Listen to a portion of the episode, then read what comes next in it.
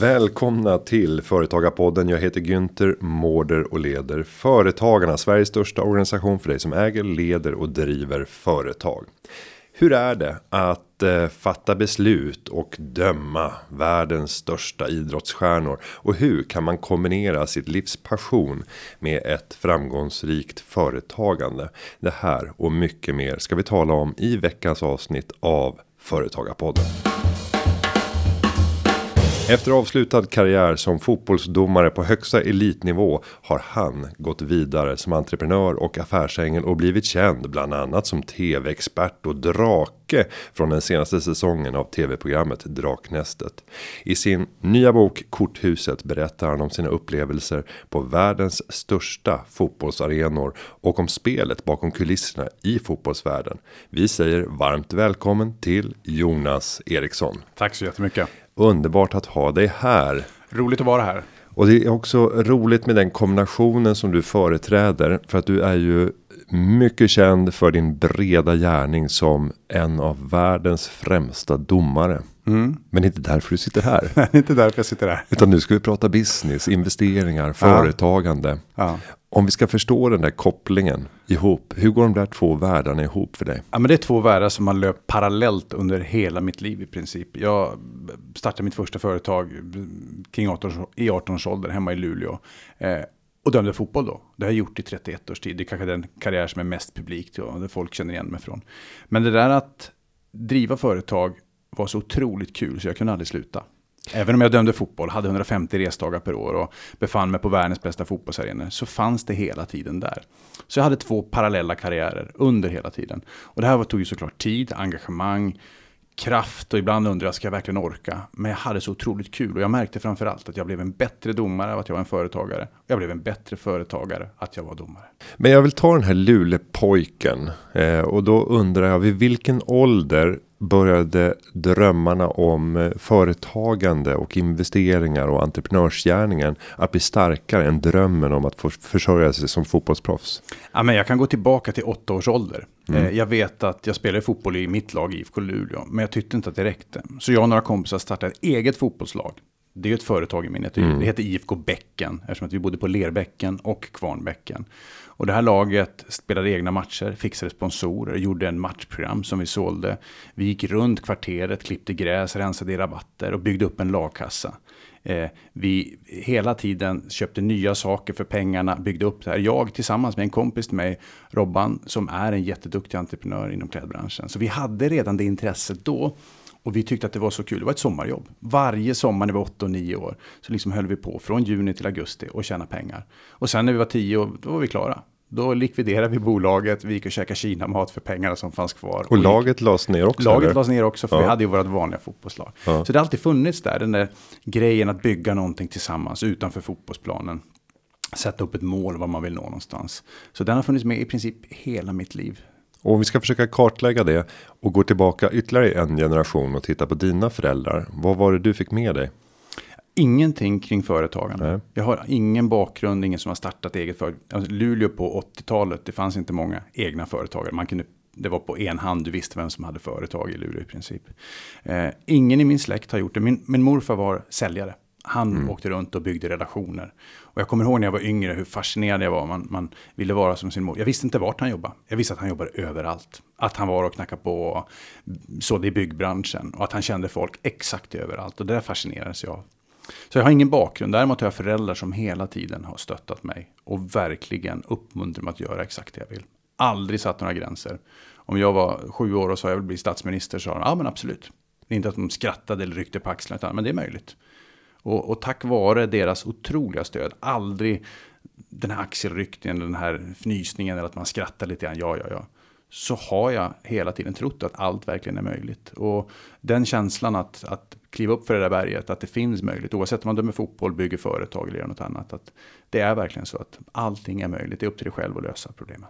Man pratar ju om att det mesta som föräldrarna gör är gravt smittsamt på sina barn och många som växer upp med entreprenörsföräldrar säger ju under hela uppväxten att jag ska aldrig bli entreprenör och vad blir man? Och detsamma kan ju gälla när det är läkare eller om det är akademiker som ja. har gått vidare och blivit professorer. Man tenderar att färgas väldigt mycket av sina föräldrar, men vad skulle du ge för tips till dem som eh, själva vill ge en entreprenöriell fostran till sina barn? När mm. man själv kanske inte har haft ett liv som har kantats av entreprenörskap utan snarare utbetalning av lön den 25 och en trygghet och kanske mm. tjänstebil. Eh, jag tror att det är jätteviktigt att inspirera. Jag vet själv, om jag har två, vi har två döttrar, 12 och 16. Om 12-åringen kommer och säger att hon vill hitta på någonting. Eh, bli statsminister till exempel. Mm. Så skulle jag säga, ja, ja, ja, lite sådär, le och skratta. Men aldrig förminska drömmar. Om någon kommer och säger, jag vill bli Leo Messi. Eller jag vill bli som Zlatan. Absolut, självklart att du kan bli det. Och det är samma när man har, inte har entreprenöriell bakgrund, eller att det finns i släkten. Uppmuntra. Så fort någon säger, ja, men jag vill göra det här. Ja, men självklart, det är klart du kan göra det. Och som förälder, även om man inte är entreprenör, kan man ju hjälpa till och stötta med självkänsla, självförtroende, ge möjligheter, kanske ringa ett samtal, hjälpa till att få den där praoplatsen eller på något sätt. För en telefon har alla och möjlighet att öppna dörrar, det har man. Det krävs inte att man känner folk alla gånger, det är bara våga ringa. Jag kan ju se som en röd tråd i mitt liv, att våga, att hålla sig framme, att ställa frågan. Det är då man dyker upp, det är då man får de här sammanhangen och de möjligheterna. Och oftast ett sammanhang ger nästa. Och nästa sammanhang öppnar nästa dörr helt enkelt. Och om vi tar karriären som fotbollsdomare. Om man ska förstå hur den logiken att bli professionell domare. Om vi börjar bara i statistiken. Hur många människor i Sverige kan försörja sig enkom på att vara domare?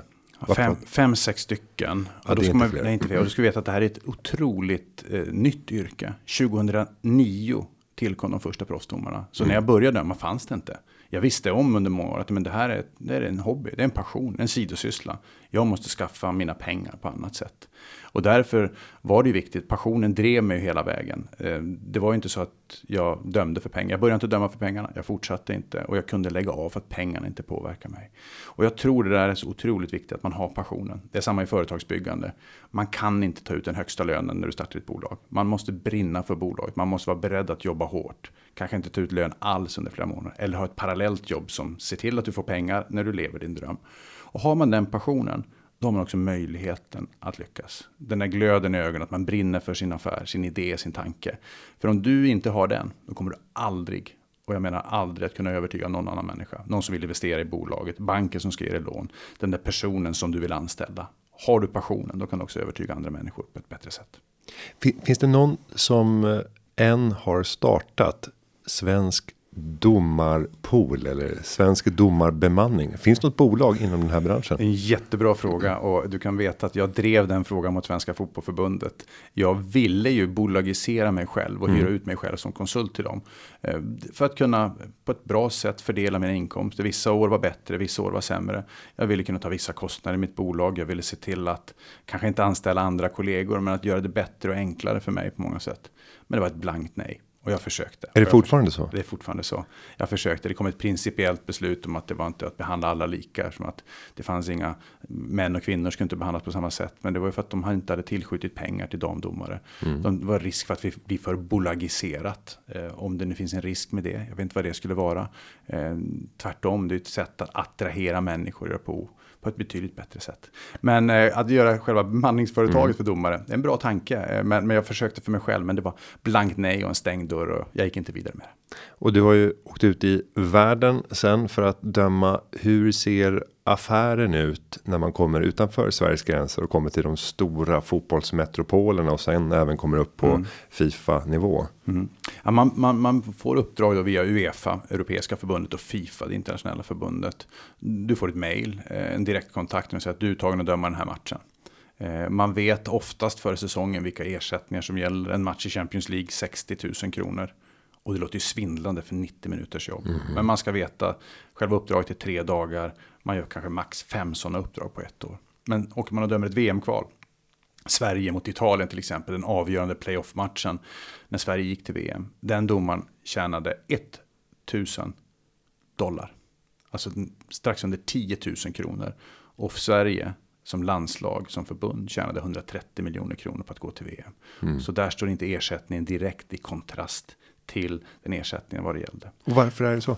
Därför att Fifa eh, har, enligt mig i alla fall, väldigt stora problem med sin, hur man behandlar människor. Men vad gäller ekonomi så gör man det. Dömer du en VM-kvalmatch mellan, jag tar två slumpmässiga länder, eh, Rwanda och eh, Kongo-Kinshasa till exempel. så tjänar du lika mycket som du gör i matchen Italien-Sverige. Man mm. gör lika ersättning över hela världen oavsett vad det gäller. Och när vi åkte till VM i, i Brasilien så visste jag inte hur mycket pengar vi skulle få. Det var ingen som hade berättat. Och det var inte så att man frågade, ursäkta mig, hur mycket pengar får jag? Jag menar, om jag får ett uppdrag som företagare eller ett kontrakt, då vill man ju veta hur mycket pengar. What's in it for me? Innan man kliver på. Men fotbollen är så prestigefyllt och så du ska vara tacksam. Du ska vara tacksam. Ja. Och vi sitter i, i Rio de Janeiro och käkar lunch eller middag. Och någon säger att jag har hört hur mycket pengar vi får. Vi får 50 000 dollar. Och det är naturligtvis jättemycket pengar. Men då ska man veta att det var en success fee. Det vill säga att vi fick bara pengar om vi kom dit. Det baseras på två års jobb. Och, och slår man ut 50 000, säg 500 000 kronor på 24 månader. Och så ska man betala skatt för det. Så är det en bra lön, men det är inte det viktigaste. Men rättvisan fanns där. Finaldomaren från Italien som dömde fyra matcher. Fick lika mycket betalt som reservdomaren. Som inte dömde en match som stod uppe med en skylt mellan bänkarna. Som kom från Rwanda. Och jag minns vi kom upp på hotellrummet, för han var ju överlycklig killen från just Rwanda. Han, jag tror att årslönen där var 932 dollar. Så han fick i princip 70 årslöner för att vara på ett mästerskap. Och hålla upp skylten med hur minut, minuter kvar ansvar. i förlängning. Ja, för ja. Då förstår man hur otroligt viktigt det var för honom att vara där. Att där var det pengar som styrde till 100 procent. Ja. Eh, och just den här tacksamheten som eh, många arbetar med.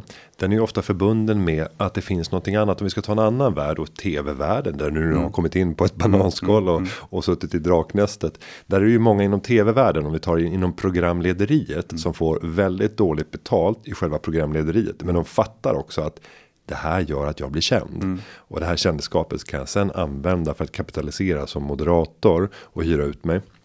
För en fotbollsdomare så är inte den lika självklar. Nu har du haft en affärsmässig mm. del och en duktig föreläsare. Det är inte självklart att man är det som fotbollsdomare. Mm. Finns det någonting som man kan som fotbollsdomare hämta hem? De, de låga ersättningarna som finns i de absolut mest förnämsta uppdragen du kan få. Nej, Egentligen inte. Det är, det är det, det, det, det, är otroligt svårt. Det som ja. finns kvar efter karriären är att du kan bli observatör, instruktör och kanske delegat. Då får du en kostym med Uefas eller Fifas logga på bröstet. Du får flyga business class. Du får se bra fotbollsmatcher från de bästa platserna. Du får stå kanske i en korridor och se Leo Messi när han går ut i planen. Mm. Men du får inte bra betalt. Jag tror att du har en ersättning på 200 euro per dag. Så är du borta tre dagar, så 6 000, för 6 000 kronor ungefär, give or take. Så att nej, det är inget höglöneyrke. Ändå har det blivit bättre. När jag började döma var ersättningen betydligt lägre. Men man insåg att här har vi 22 stycken spelare, Mångmiljonär, ekonomiskt oberoende. Och den som har högst, störst ansvar, den som tar egentligen störst risk och är viktigast, han eller hon tjänar minst. Och det där har de höjt. Men det är klart, det är långt ifrån Cristiano Ronaldo. Han tjänar väl 2,5 miljoner kronor per dag. Mm. Och så sätter du i kontrast till en domare som får 60 000 per match. Det är ganska lite. Ja, det är en, en märklig fördelning. Sen när man tittar på två stycken förbund där det har stormat rätt mycket så eller olika sammanslutningar om man tar den olympiska kommittén mm. så är det alltid lite dålig eftersmak när det fattas beslut om var OS ska hållas och liknande. Eh, samma sak har skett både inom Fifa mm. och Uefa. Spelet är bakom kulisserna och det politiska spelet? Vad, vad, kan man säga när du har varit in inifrån och, och sett hur saker och ting går till? Ja, när man befinner sig i den här bubblan som det är att döma fotboll så tänker man inte så mycket på det. Man åker dit chefen säger att du ska åka. Man tar de uppdrag man ska få. Man reflekterar inte speciellt mycket. Man är lite hjärntvättad. Eh, även om jag försöker vara en reflekterande och människa som kanske diskuterar och så. Men man befinner sig där. Man åker dit, man blir skickad. Men hur det funkar idag, det är bara att titta. Mästerskapen blir större och större. Vem har råd att arrangera dem? Jo, oftast länder som har ett motiv, det som kallas för sportswashing, det vill säga att man tvättar sitt varumärke rent eller man gör landet mera mm, vänligt helt enkelt genom att man arrangerar sportevenemang. Vi har VM i Qatar 2022, om bra precis ett år. Vi vet om bevis att det var mutor som gav landet mästerskapet 2010. Det finns människor som är avstängda på livstid eh, på grund av det. Vi har OS i Kina i februari 2022 det här är beslut som är tagna, som kanske är svåra att dra tillbaka. Men Fifa som i sina stadgar har att följa mänskliga rättigheter och så lägger man mästerskap i Qatar. Det är klart att det är ytterst problematiskt. Men jag tycker det är nästan ännu värre att Uefa så sent som i våras la ett mästerskap för damer i Vitryssland 2025. När de gör det så undrar jag vilka signaler de skickar. Det skulle vara så att ja, vi tänkte ge det till Vitryssland, men de får det inte för de följer inte de här, de här, de här minst sagt grundläggande rättigheterna. Där tycker jag det skaver någonstans. För idrotten kan ju påverka. Välj istället att ge det till länder som gör förbättringar. Till länder som lever upp till de mest självklara rättigheter som för dig och mig och för de flesta svenskar är någonting som man borde leva upp till. Om du får blicka framåt och prata om utsikterna för den politiska idrottsrörelsen.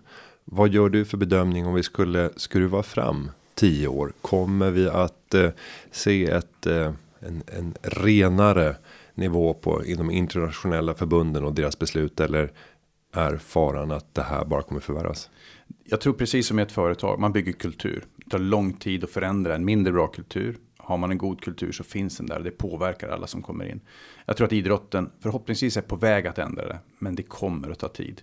Vi vet om att så sent som 2016 heter Uefas president Michel Platini. Han är avstängd för mutbrott och korruption under resten av sin livstid. Sepp Blatter som har styrt Fifa i 15-20 år. Han är också borta. De här människorna tillsatte såklart människor som var lojala mot dem. Som har en tystnadskultur. Som kanske inte hade moralen som sin främsta kompass när de tog beslut.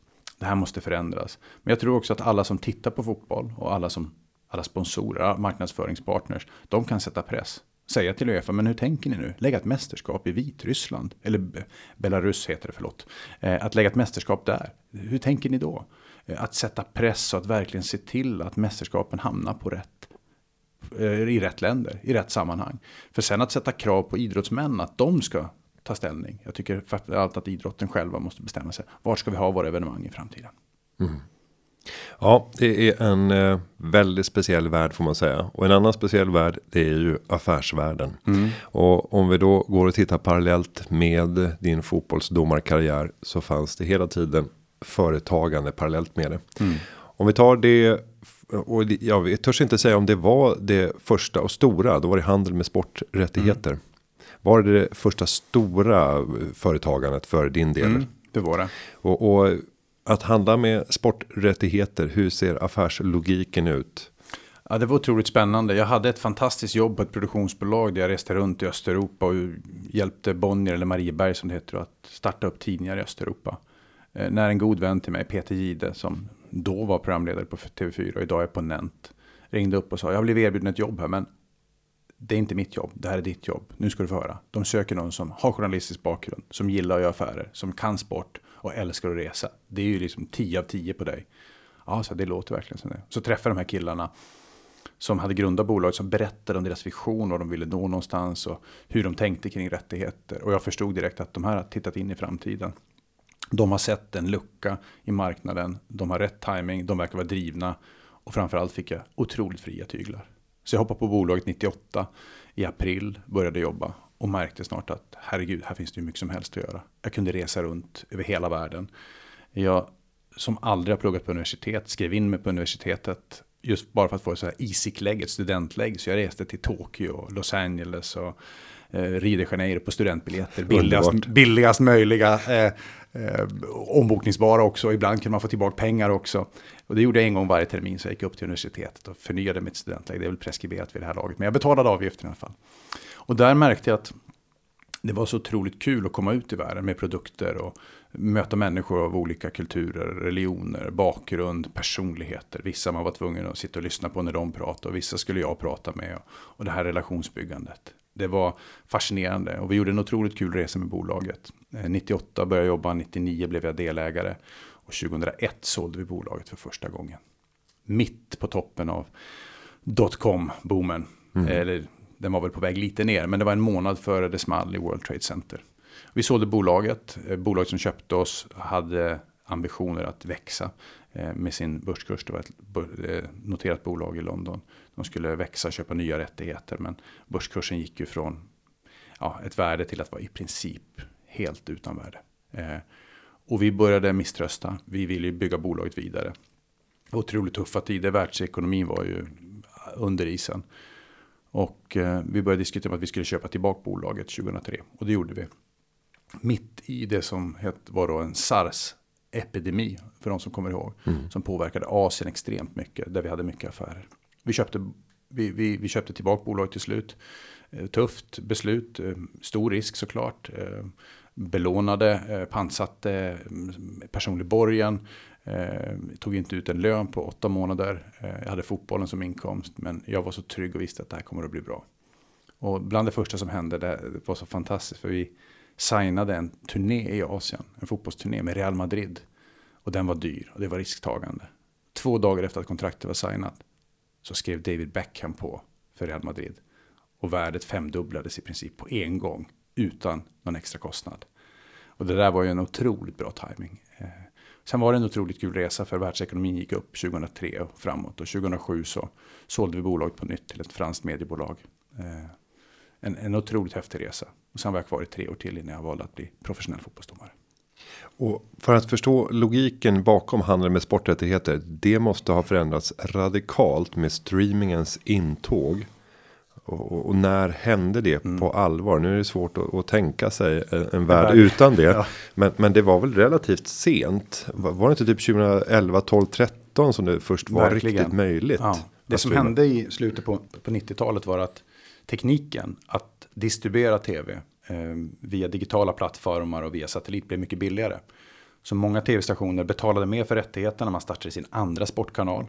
Och satt man då med ett visst antal rättigheter som vi gjorde så var oftast bolagen tvungna att köpa. Vi hade ett visst antal tennisturneringar, bordtennis, gymnastik, friidrott, simning och så vidare. Så vi hade innehåll som kanalerna behövde.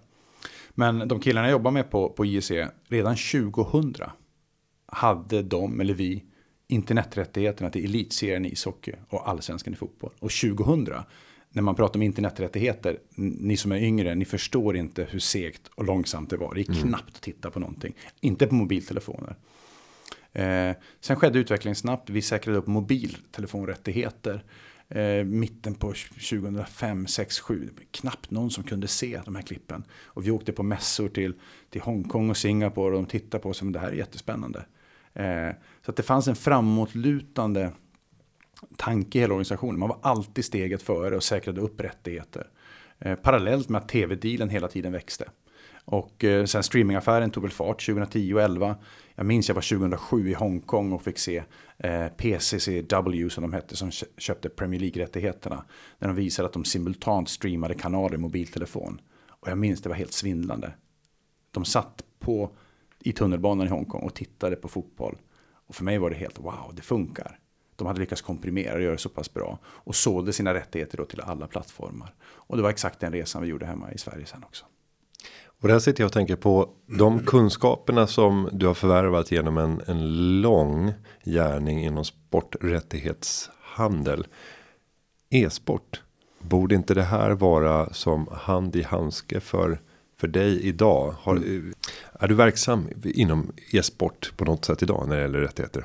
Nej, det är jag inte. Jag har, eh, hänger med och läser och fascineras och inser att jag var lite sen på tåget där. Jag har inte ett intresse för själva e-sport, men för digitaliseringen, expansionen och kraften i det hela. Jag tror att hade jag haft lite mer intresse för det så hade jag nog eh, varit mer aktiv sport ligger mig så varmt om hjärtat, men e-sport är ju någonting annat egentligen.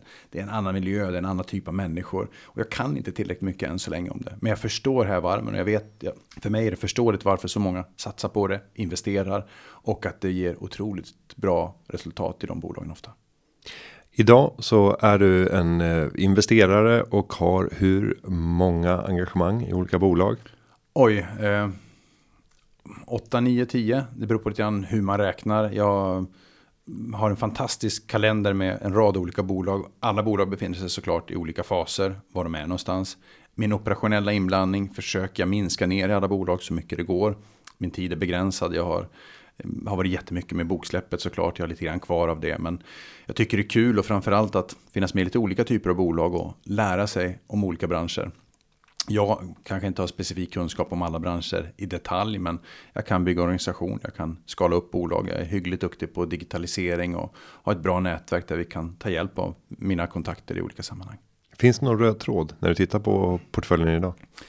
Jag har funderat på den röda tråden, för ibland vill man ju hitta den där. Mm. Ehm, sport, hälsa, träning har funnits med. Ehm, jag vill alltid ha enkla, tydliga affärer. Där man, den här hisspitchen, där man pratar om. Där man på våning mellan våning 1 och våning 4 kan förklara vad bolaget gör för någonting. Den här enkelheten. För om jag inte förstår själva affärsidén, hur ska jag kunna förklara för dig? Hur ska jag kunna förklara för en investerare som ska komma in med kapital? Hur ska jag kunna förklara för banken när de ska låna ut pengar? Jag tror enkelheten ska finnas där. Jag tror också på det här jag pratar ofta om när jag dömde fotboll att jag tittar in i framtiden. Hur spelarna reagerar. Vem är arg nu? Vad kommer hända härnäst? Vart kommer Neymar att springa? Att alltid titta framåt. Och de bolag som tittar in i framtiden. De som har löst ett problem. Som kanske inte är ett problem idag men som kommer att bli ett problem. De bolagen fascineras jag av. En idé som man inte ens har tänkt på. Man säger, åh fan, det där har inte jag tänkt på. De bolagen som dessutom kan ha ett gott syfte i sig. Eh, vad det än må vara. Det kan vara det enklaste att man på något sätt räddar liv. Att man på något sätt täpper till en lucka, gör det enklare, gör det bättre. Eh, och såklart hållbarhet som ett viktigt ord. Och sen kan man ju titta på de två delarna. Vad man gör, det vill säga affärsidé och eh, idén kring hela företagandet. Och sen teamet. Mm. Vilka som ska exekvera mm. på det här. Om du ska försöka lägga någon, någon fördelning i vikt när du tittar på de två faktorerna. Mm. Vilka som ska göra det och vad är det ni ska göra? Var ligger tyngdpunkten för dig? För mig är personerna alltid otroligt viktiga. Eh, det kan finnas världens bästa affärsidé, men är teamet inte rätt, är personen eller personerna inte rätt, då, då, blir det ju ingenting av det hela. Då får man byta ut dem och så långt är jag inte beredd att gå. Utan allting börjar med personen. Eh, och är det så att den personen har en idé som kanske inte förverkligas, inte går att göra. Då vet jag att de personerna kommer att vara med mig på resan framöver i något annat sammanhang. För personligheten är så viktig, att man har den där passionen, glöden, att man är beredd att lägga ner tid, lära sig av misstag, eh, springa upp för det där berget, fira den där framgången. Eh, själva affärsidén är alltid lite underordnad för mig. Jag vet ibland att jag kan träffa en människa och när jag stått och pratat med honom eller henne i en kvart så kan jag tänka, och då har vi inte ens pratat affärer. Om den här personen skulle komma upp med en affärsidé nu, då ska jag investera i honom eller henne. För jag litar på den här personen. Han eller hon kan verkligen övertyga mig om en, ett budskap eller en tanke.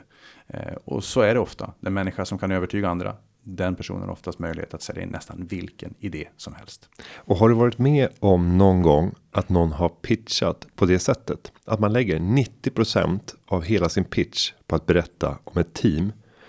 Och sen avslutar man de sista 10 procenten med att säga att och by the way, det här är vad vi tänker göra. Nej, men jag längtar tills någon gör Visst gör man ja, det. Är så här, börja i fel ände. Mm. Det är alltid det så här, det här Berätta, vem är du? Vem är ni? Vad ska, alltså, vad, hur känner ni varandra? Mm. Vad har ni lärt er på vägen? Berätta gärna om ett misstag du har gjort. Jag tycker det är fantastiskt ibland när man träffar amerikaner. Och ja, de berättar om en konkurs de har eller något mm. misslyckande. I Sverige är det sista vi nämner. För det är så ful och stigmatiserat och tabu. Där är ju ett misstag en nyckel till framgång de berättar ju om det mm. som en stolthet. Och för mig är det bra. Har man gjort ett misstag, då har man förhoppningsvis lärt sig av det och inte gjort det samma sak. Precis som, som, som alla människor, en fotbollsdomare inte minst. Man blåser inte samma felaktiga straff två gånger, utan man lär sig av misstagen. Och då kan man vara stolt. Ja, men jag har gjort ett fel. Men jag har lärt mig nu. Och det tycker jag saknas ibland. Om vi går in i eh, draknästet som har blivit eh, kanske det mest offentliga för dig när det gäller affärssammanhang. Mm. Där du har blivit mm. väldigt känd för den breda allmänheten. Eh, när vi ser de pitcharna som möter oss i tv så misstänker jag att det är inte helheten vi ser. Ni får väsentligt mycket mer än vad vi vad vi själva som tv-tittare får se eller? Mm. Jag, kan, jag kan ta det med om du vill vad som händer. Mm. Eh, en typisk pitch. Utan vi är helt isolerade från entreprenörerna. Så när de går in i studion då låser de in oss i ett rum. Så vi ska inte se dem, få ögonkontakt eller höra. Och sen ropar de dags, nu är det dags för inspelning. Och vi går in och vi får kanske 30 sekunder på väg in. Vi kan gå fram och titta om det finns en whiteboard eller en produkt. Och sen får vi sätta oss ner. Ingen cue, alltså ingen förberedelse, ingen information. Och sen säger de, kameran startar och så kommer entreprenören eller entreprenörerna ner för trappan. Och vi vet ingenting, vi har ingen aning om. Och sen så kommer de in och så har de två minuters ungefär pitchtid när de får berätta om sin produkt. Och sen så ställer vi frågor, kanske i 40 minuter, 45, ibland 35. Och så går det till. Och sen ska vi ta beslut. Vi har ingen möjlighet att googla, ringa en kompis, diskutera med varandra. Om vi gör det så syns det på kamerorna. Mm. Och sen ska vi ta beslut. Förhandla, diskutera och komma fram och kanske ta i hand om vi kommer fram till någonting. Eh, och, så det är väldigt mycket av det du ser på tv. Eh, folk undrar, men det stämmer ju inte. Jo, det stämmer. Det är exakt så det går till. Men det som sker efteråt, som är självklart, både för mig och för de andra drakarna såklart, att vi gör en due diligence, alltså en genomlysning av bolaget för att se, stämmer det de har sagt? Eh, har de så här många kunder? Finns den här omsättningen? Eh, har de det här lagret de har pratat om? Eh, stämmer att det inte finns ett annat bolag som gör det här, det de gör? Ja, de, de frågorna vi ställer helt enkelt.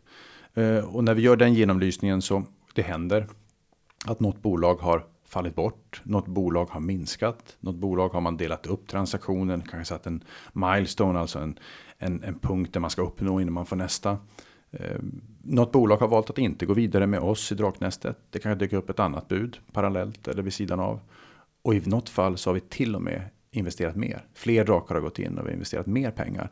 För när vi börjar belysa bolaget och titta så var det faktiskt bättre än vad de lyckades presentera under den här mm. tiden. Så det slår åt båda hållen såklart. Men det är väldigt mycket som det ser ut och det är våra egna pengar. Det är inte att vi får låtsaspengar, monopolpengar av SVT, utan vi finns där för bolagen. Vi jobbar med dem, inte bara pengar, utan med tid och tillgång till, till nätverk och annat.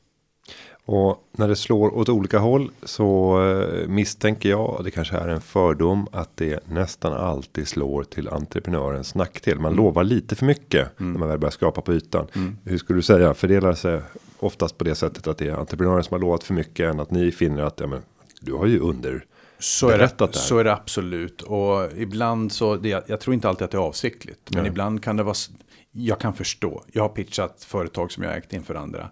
Eh, man är nervös. Det är ett påslag. Och gör det i draknästet när det är kameror. Och man är sminkad och man står där och där sitter vi fem drakar och ställer frågor och man känner sig obekväm. Man kan glömma bort någonting, man kan blanda ihop en siffra. Man kan eh, inte avsiktligt undanhålla information. Man kanske inte har svar på vissa frågor och det kan påverka investeringen. Men absolut att en majoritet där det snarare kanske blir mindre eller förändrat än att det ökar på investeringen. Men sen är det väl en annan dimension också tänker jag och det är med vilka glasögon som man ser på sin egen skapelse. Ofta kommer ju jämförelsen med att eh, mitt företag det är min min eh, extra baby. Det har varit mitt barn sen det förlöstes och det är klart att om jag skulle låta dig få beskriva dina barn så skulle de förefalla vara de mest fantastiska som har gått på ett par skor på mm. denna jord. Mm. Så är det ju alltid vem, vem du än frågar. Mm. Och, och, om man då gör liknelsen över till företaget så, så, finns det en viss risk att man kommer att prata om sitt företag på ett sätt som andra inte riktigt kommer att se på det. Men så är det ju definitivt. Och, och någonstans vill vi ha folk som står där och säljer in och tror, tror på, på sitt det. företag. Ja. Passion, det här är mitt företag. Eh, vi vill inte ha någon så, nej men det här är ett skitföretag och vi har ingen lönsamhet och vi kommer aldrig att sälja. Då är man ju på fel ställe.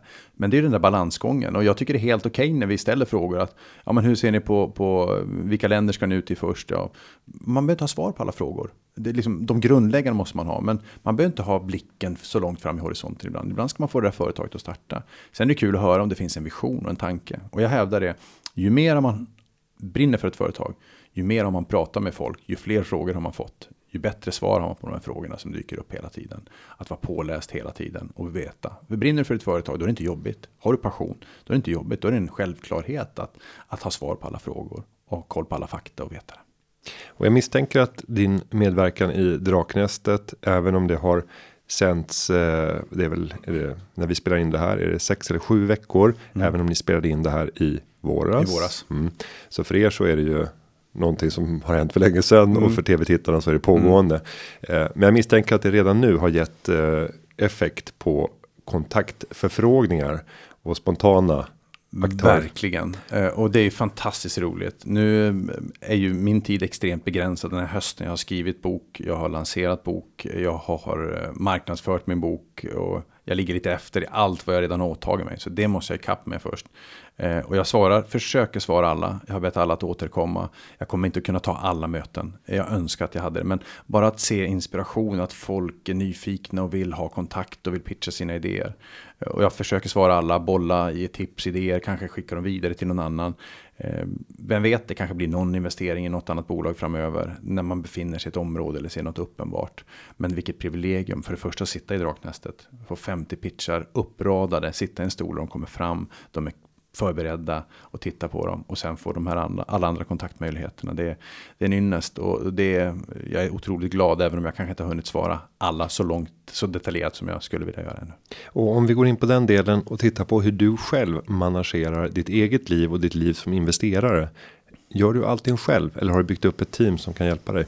Ja, jag tror verkligen på teamet i mm. olika konstellationer. Så det är inte samma team överallt utan att eh, man tar hjälp av olika människor som har olika nätverk och kunskap. Precis som vilket fotbollslag som helst. Jag brukar hävda det att även om Zlatan är en fantastisk fotbollsspelare. Du kan inte ha 11 Zlatan, Ibrahimovic ett lag. Det blir inte bra. Du kan inte ha 11 målvakter även om du har världens bästa målvakt. Utan en blandning av personligheter, egenskaper, kunskaper, nätverk.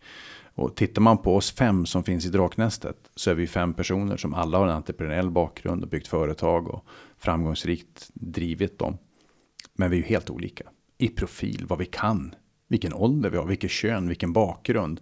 Och den blandningen gör det så spännande när man får ihop ett team av olika människor. Och jag tror att det är en framgång.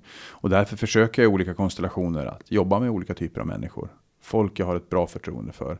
Eftersom att jag är ingen människa som går in i detalj och kollar och styr. utan Jag försöker jobba med större frågor än att vara inne i operationella detaljer. Ibland hamnar man där, absolut. Men jag försöker kliva upp och tänka lite mer strategiskt och långsiktigt. Och sen tar vi alla de här eh, vardagliga ärendena som kommer och pockar på. Ta eh, det här e-postet som bara kommer med en pitch. Eh, och det är en förväntansfull entreprenör på andra sidan.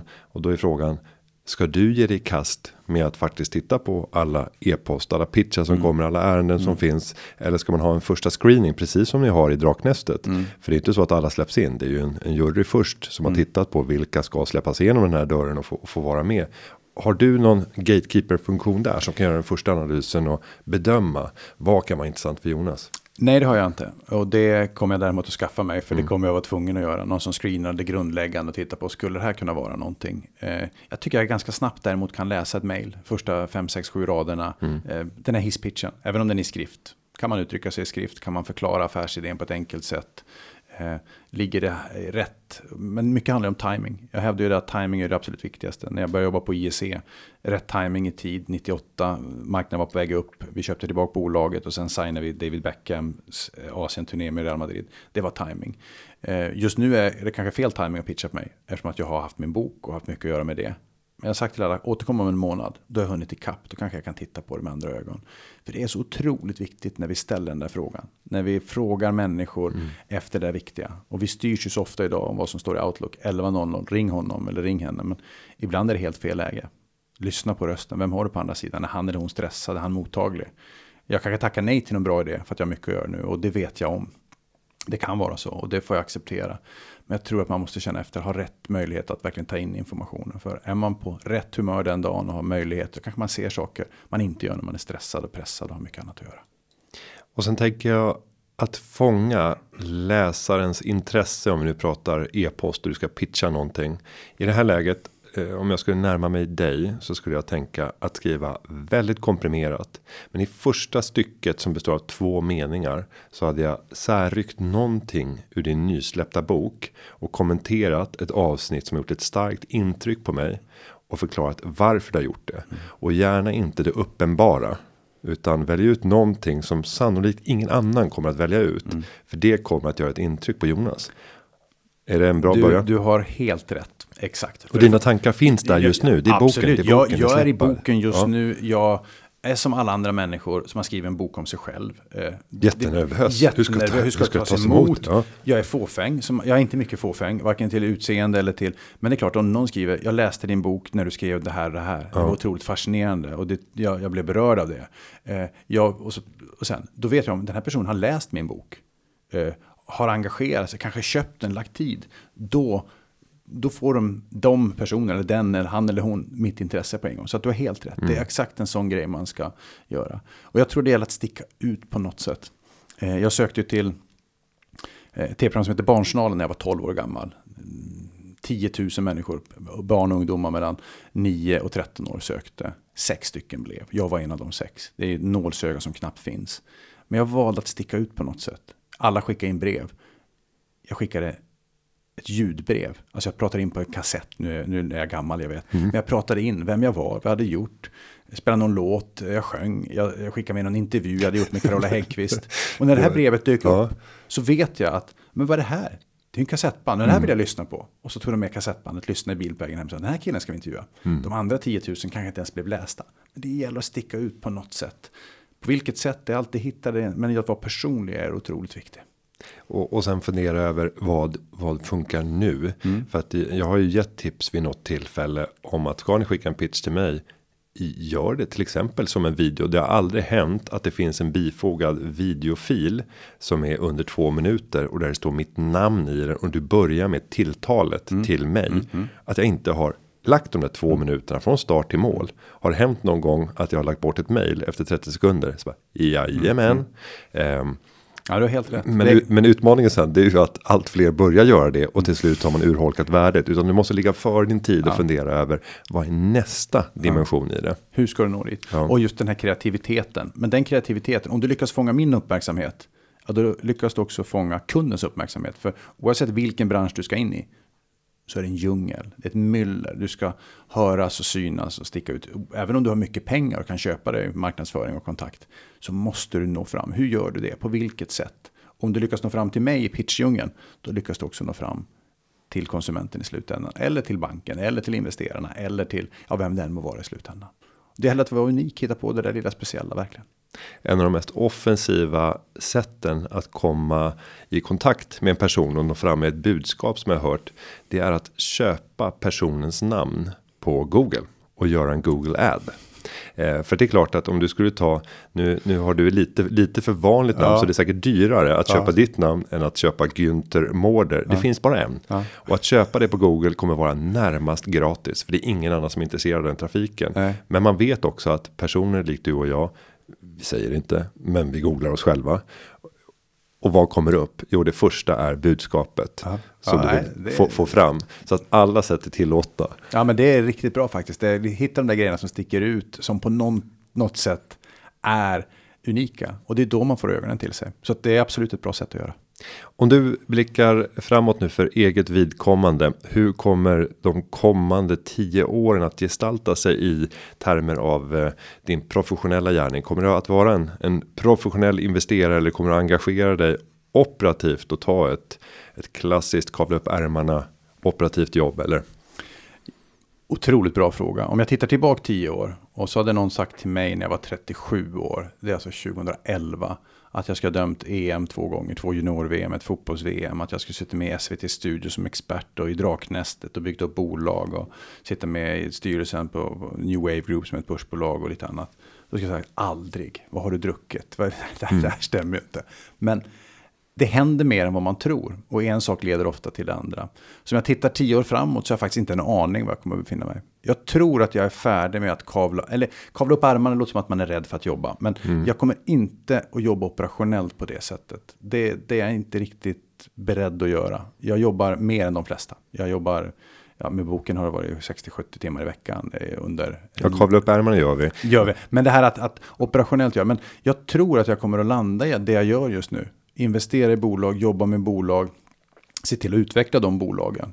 Jag har ju mina medieuppdrag, får se vad det blir framöver. Vi har Draknästet som kanske blir en ny säsong. Jag, har, jag får ju otroligt mycket roliga frågor och det är jag ju så tacksam för.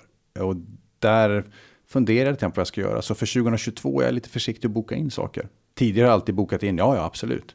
Och sen så dyker det upp en fråga och så kan man inte för man är uppbokad. Så nu är jag lite försiktig att boka in. Och det är lite spännande. Att ha en tom kalender mm. tillhör inte vanligheterna i mitt liv. Det har jag nog nästan aldrig haft sen jag, sen jag skaffade min bruna filofax hemma i Luleå. Det var 13-14 år. Så det är spännande, vi får se. Och tittar man 10 år framåt, ja, vi får se. Jag ska fortsätta att träna och hålla mig i form och vara frisk i alla fall. Det är det viktigaste. Sen får vi se. Det dyker säkerligen upp nya sammanhang. Men jag trivs med det jag gör. Och just att varje dag är annorlunda. Jag får varje kväll titta, vad har jag imorgon? Och det är nya platser, nya människor, nya sammanhang. Så jag blir inte less av tristess. Eh, däremot måste jag bli bra på att begränsa. För precis som du och många andra, ibland tackar man ja till för mycket och så ska man prestera och leverera, vilket kan vara tufft. Ja, och det som händer i de stunderna, det är ju att eh, Inga nya vägar kan öppnas om du har den där låsta kalendern där det ständigt pockar på med nya mm. bokningar. Mm. Ja, när ska du kunna föra in någonting nytt? Mm. Och risken är att du stannar kvar och gör precis det du gör och du fortsätter att göra det år ut och år in. Mm. Eh, och var finns då utrymmen för att få det där överraskande, det som gör att saker som man aldrig hade kunnat föreställa sig faktiskt Nej. inträffar. Ja men exakt och jag, menar, jag skriver i min bok ordet prestationsknarkare. Jag, jag anser att jag är det. Jag har alltid tyckt det var kul att prestera och hitta på nya saker. Och om man låser in schemat för mycket då är det svårt att hitta de här nya sakerna. Och jag vill hitta nya saker, för jag är så otroligt nyfiken på vad jag kan göra härnäst. Hur jag kan utmana mig själv, i vilket sammanhang, vad jag kan göra. Och därför så måste jag ha kalendern lite mer ledig. Eh, bokar jag upp mig för mycket, helt plötsligt så får man en fråga, men då kan man inte. Och där vill jag inte hamna. Där har jag hamnat lite grann de senaste åren. Och där vill jag undvika att dyka upp igen. Jag får en känsla och eh, nu har Företagarpodden sänt varje onsdag i snart sex års tid. Det började i december för sex år sedan. Ehm, om vi skulle träffas igen i podden om sex år så tror jag att det är en helt ny berättelse som rymmer saker som du sannolikt inte ens skulle kunna fantisera om idag. Det tror jag också. Det, det hoppas jag på. Jag, jag, trivs ju inte med att stå still. Jag trivs ju inte med att eh, ha ett bolag som taktar samma omsättning och liksom inte utvecklar sig, inte går vidare. Jag, hela jag är ju att jag vill gå vidare. Jag vill göra nya saker. Jag vill hitta på hamna i sammanhang. Så att uh, om vi bokar dejt om sex år och sitter i samma rum, samma podd, så har vi förmodligen och förhoppningsvis verkligen en ny berättelse. Jag, jag tycker det är kul att, att gå vidare och hitta på nya saker. Och jag ska samtidigt lova lyssnarna att det är inte jag som kommer att leda podden om sex år. Jag tror det vore rejält tokigt att binda upp sig och tänka i de perspektiven när man har ett sånt typ av jobb som jag har. Eh, men vi kanske kan hijacka den tillsammans. Vi kan hijacka den tillsammans. Eh, Gör ett gästspel. Ett gästspel så här, eh, extra edition som man får ja. hoppa in på. Jonas, stort tack för att du kom till Företagarpodden. Tack så mycket, jättekul att vara här. Underbart. Jonas nya bok den finns överallt där böcker säljs och eh, senaste säsongen av Draknästet den hittar du såklart på SVT Play. Klippningen av podden är gjord av Petra Chu och underlaget är gjort av David Hagen. Vi hörs igen nästa vecka. Ha det så gott. Hej då!